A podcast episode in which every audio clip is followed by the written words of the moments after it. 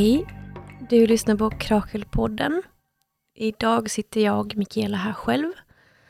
Jag skulle vilja kommentera det som hände i USA i veckan. När kongressen stormades av Trumps anhängare. Och jag skrev om det här på min egen Instagram. Men jag tyckte det kändes viktigt att spela in så att det även finns som poddavsnitt. Så att fler kan ta del av detta. Och jag skrev om kapitalismen och fascismen och hur de här hänger samman. Och jag ska nu läsa upp lite av de texterna. Kom nu ihåg vilka materiella förutsättningar som skapat grogrund för den framväxande fascismen. Kapitalismens rovdrift och decennier av neoliberalism. Det kapitalistiska samhället har nu absurda klassklyftor och skillnader i makt, kapital och resurser.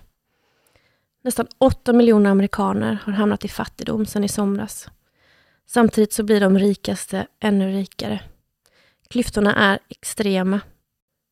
Men fascismen började inte med Trump och den kommer inte sluta med Trump. Fascismen och kapitalismen hänger samman. Ingen kapitalism, ingen fascism. Fascismen är ett verktyg eller en metod för att organisera överbyggnaden så att den ekonomiska basen, kapitalismen, kan bestå. Utmärkande för fascismen är antikommunism. Det var fallet i Italien, Spanien, Tyskland och det är fallet i USA. Kommunister vill avveckla den kapitalistiska staten. Fascister vill styra den kapitalistiska staten, alltså militär, polis och institutioner. Och ni kommer nu se borgerliga skribenter prata om polarisering, fördomar, retorik, filterbubblor.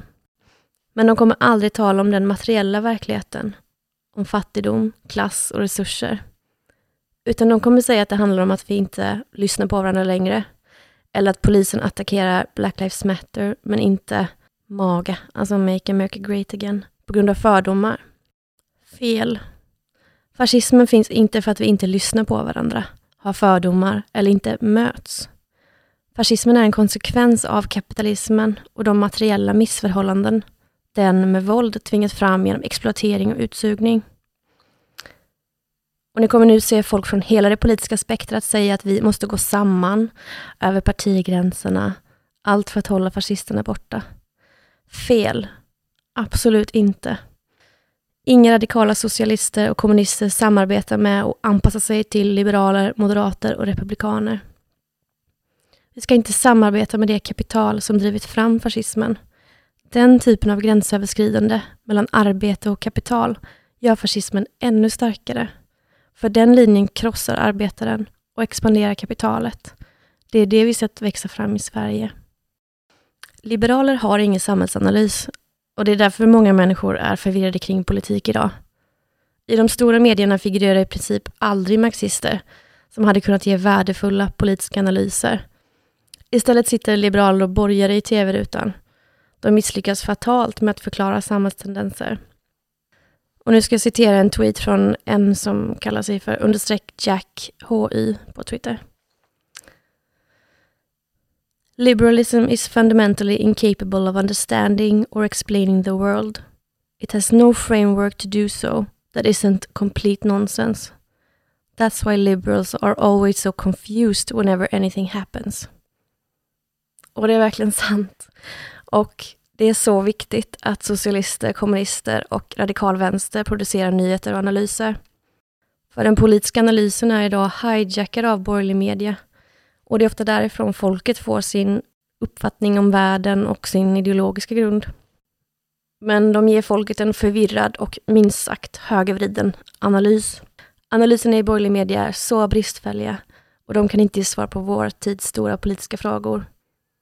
De sitter nu i SVT helt förvirrade och tittar på varandra och frågar sig, men hur kunde detta ske? Varför ingrep inte polisen? Har du något svar på detta? Och efter en tids diskussion, när de inte begripit sig på vad som hänt, avslutar de med den stora frågan som kvarstår är varför? Men vi vet varför.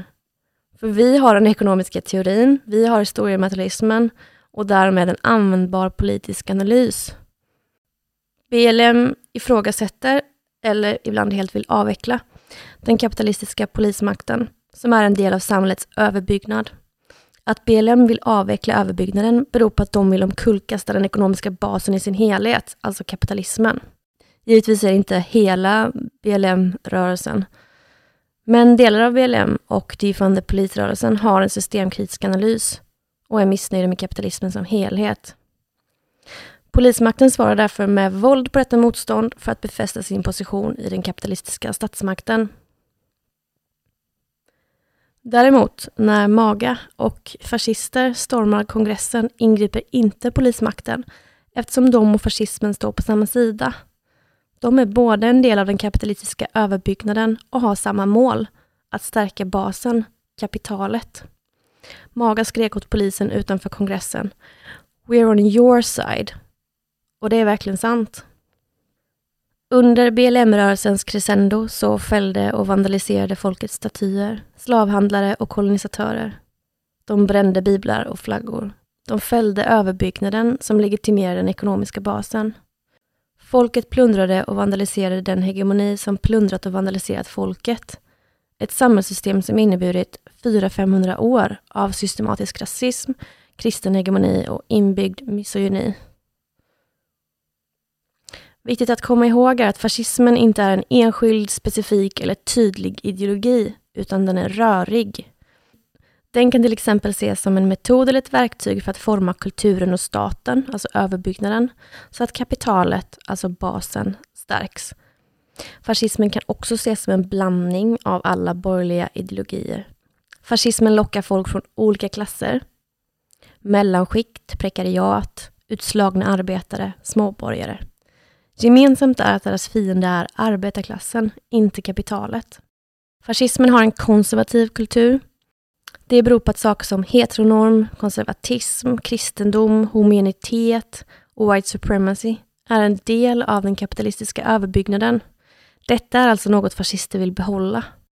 Och när de upplever att den kapitalistiska överbyggnaden är hotad, till exempel av pluralism, mångkultur, hbtq-rörelsen, icke-kristenhet, reproduktiv autonomi och ifrågasatt polismakt, så använder de fascismen som metod för att stärka överbyggnaden igen.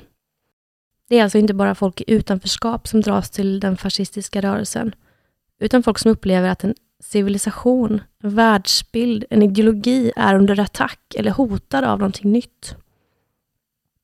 De upplever alltså att den västerländska civilisationen, alltså kapitalismen, och i den rasismen, imperialismen, kolonialismen, patriarkatet, kristenheten och så vidare är hotad.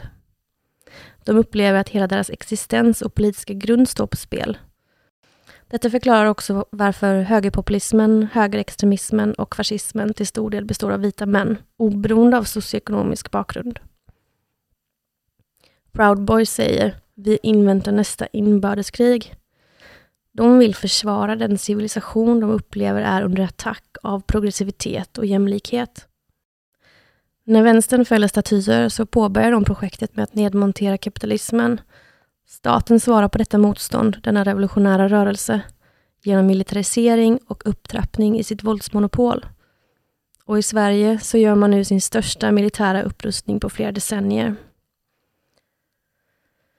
Och det är nu vänster inte ska anpassa sig en millimeter åt höger.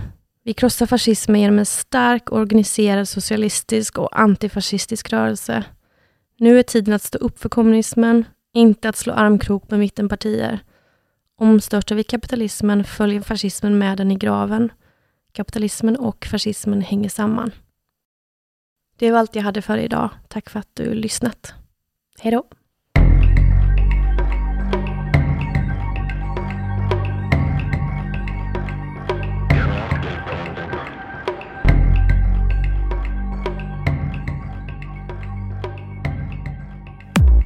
Du har lyssnat på en podcast som görs i samarbete med ABF Malmö.